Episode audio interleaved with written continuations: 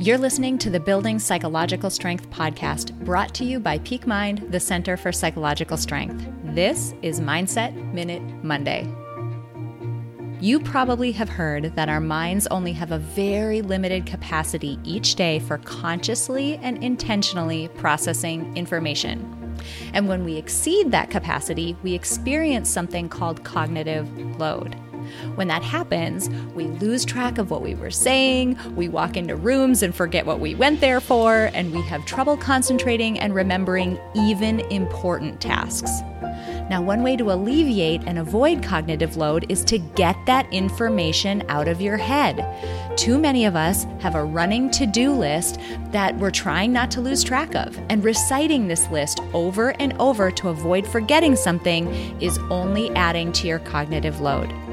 This week, I challenge you to get it out of your head and either onto a piece of paper or onto a list on your phone.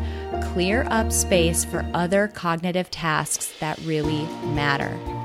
Try this out for a week and see how you feel. DM us on Instagram at Peak Psychology to let us know how it went. If you want even more, click on the link in the episode description for a free gift from us. And if you benefit from our content, please drop us a rating and a review on iTunes and do share this with others who might find it valuable.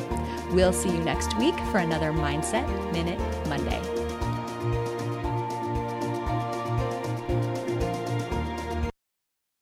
At Parker, our purpose is simple. We want to make the world a better place by working more efficiently, by using more sustainable practices, by developing better technologies we keep moving forward. With each new idea, innovation, and partnership, we're one step closer to fulfilling our purpose every single day. To find out more, visit parker.com/purpose. Parker, engineering your success.